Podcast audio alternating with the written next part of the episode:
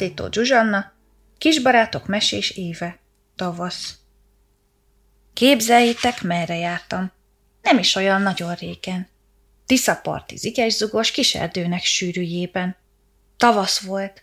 A mezőn szerte milliónyi pipacs nárcisz, százszor szép és levendula ezer színben ott pompázik. Egy faronkön ücsörögve, Málát majd szólt Sári, arra gondolt, de jó lenne, mint a mókusfára mászni. Egyre-egyre magasabbra, fel a fának tetejére. Onnan nézni, nézelődni el az erdő legvégére. Ahogy ott ült ücsörgött, a tölgyfarönkön Sünisári, Mókus Berci épp elkezdett a szomszédos fán ugrálni. Egyet jobbra, egyet balra, fel a fának tetejére, onnan nézett, nézelődött, el az erdő legvégére. Mókus Berci kis barátom, tanítsál meg fára mászni, kiáltott fel pajtásának a farönkről Sünisári. De jó lenne nézelődni odafentről szerte szét, hogy nyílik a pipacs nárcisz levendula százszor szép. Gyere közel, Sünisári! Nézd, a tölgyfa oldalán itt egy jobbra, ott egy balra néhány göcsört, hogy kiáll. Ott a legalsóval kezdjed, kapaszkodj meg bennük bátran. Óvatosan, szépen, lassan rajtuk gyere fel a fára. Egy kis ágra leszállt három kárörvendő kismadárka. Nem hitték, hogy sikerülhet felmászni a magas fára. Nevetgélve így csipogtak. hogy egy süni fára mászon?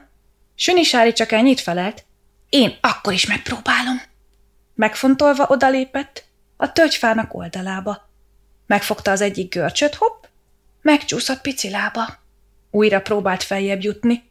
Fogást rajta most sem talált. Hagyd a fát a mókusoknak, csipogta az egyik madár. Nem való ez neked, látod? Apró tömzsi pici lábad csak a földön ügyes fürge. Nem való a magas fára. Söni Sári visszacsücsült a tölgyfarögnek szexélére. Hogy fogok én nézelődni el az erdő legvégére? Nem láthatom mező szélén, milliónyi pipacs nárci, százszor szép és levendula ezer színben hogy pompázik. Lekiáltott Mókus Beci. Várj egy percet, kisbarátom! Te is feljössz. Mégis hogyan? Bízd rám, majd én kitalálom. Elugrált az ágak között? Már nem látszott füle bojtja. Sünisári várta, várta. Eltelt közben, majd egy óra. Egyszer csak az egyik madár felcsipogott jó hangosan. Látjátok ezt? Néhány állat errefelénk hogyan rohan? Sünisári felpillantott. Közeledett négy barátja.